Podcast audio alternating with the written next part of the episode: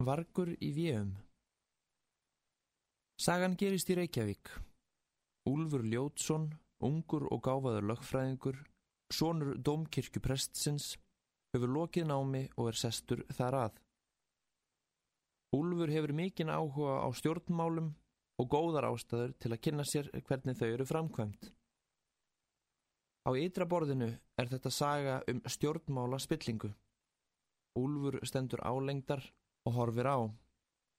Hann er fullur vilja til að hrensa andrumsloftið og berjast fyrir háleitum og göfugum hugssjónum, en brestur þrótt til þess.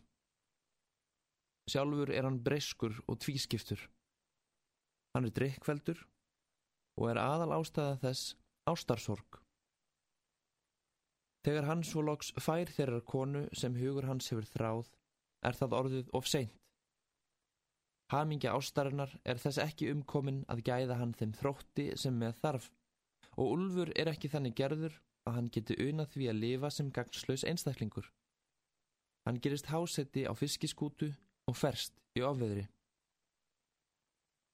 Ulfur og ljótur Hér eru þá enn feðgar á ferð og sonurinn er móðurlaus eða því sem næst þar sem hún er sjúklingur á geðveikrahæli.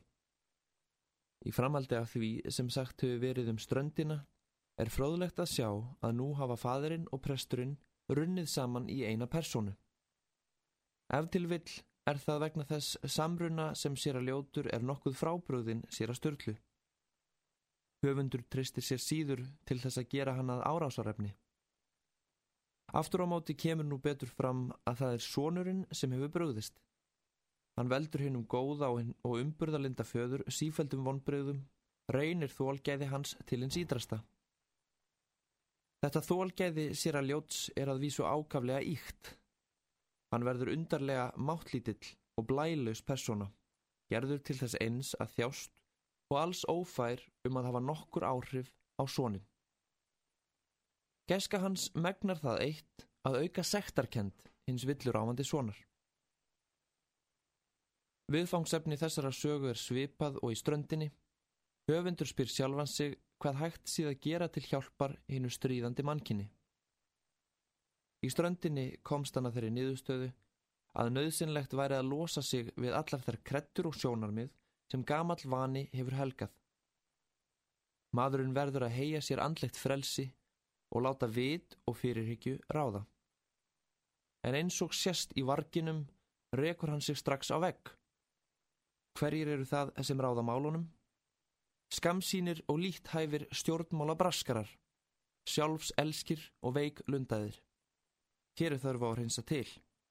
Úlfur segir Allstað er í tilverunni á það við að réttu mennirnir þurfa að standa við stýrið.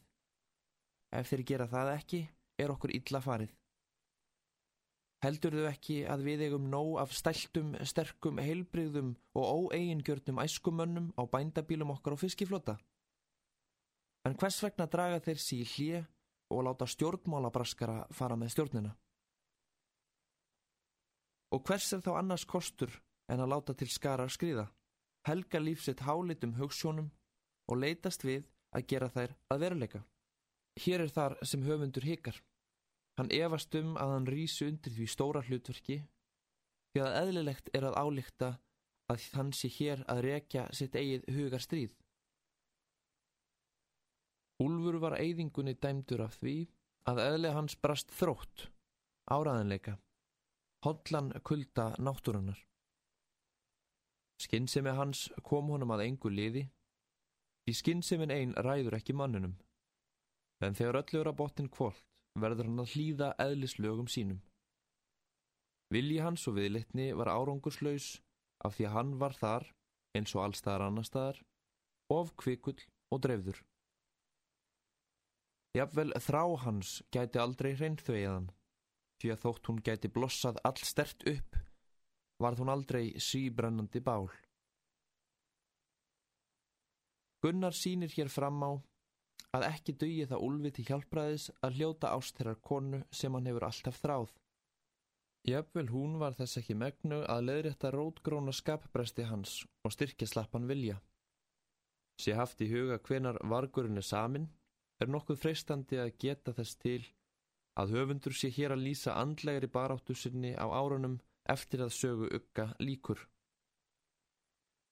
Uggi hafði að vísu höndlað haminguna þegar hann fekk selju sína og í sælu vímu ferskrar ástar hjælt hann að nú varu öll vandamál list. Hann hjælt að hann gæti bara skrifað beint áfram en fyrir hann varði kifti kaldur raunveruleikin í taumana. Þetta var ekki eins auðvelt og hann hafði búist við. Vandamál mannkinsins voru geysi flókin og heiminum varð ekki breytt með einu pennastriki. Og það sem verra var, síðapostulinn sjálfur var stórlega gallaður. Hún var ofgjant á að sjá útkverfi hlutana, standa álengdar og gaggrína. Hann var of beiskur og neikvæður. Og hvers vegna? Vegna þess að hann dróð með sér fortíð sína á bitru reynslu sem hafi sett mark sitt á hann. Uppeldið hafi gert mig að umskiptingi eins og raunar flesta aðra sem ég hef kynst. Tautaðan við sjálfan sig á sultarárunum í árósum. Gunnar lætur Úlf farast, en sjálfur stingur hann við fótum, leggur þjóðfélagslega umbótar viðletni á hilluna að sinni og tekur sér fyrir hendur að kanna fortíð sína rækilegar. Frá því greinir í næstu bók hans, Drengnum.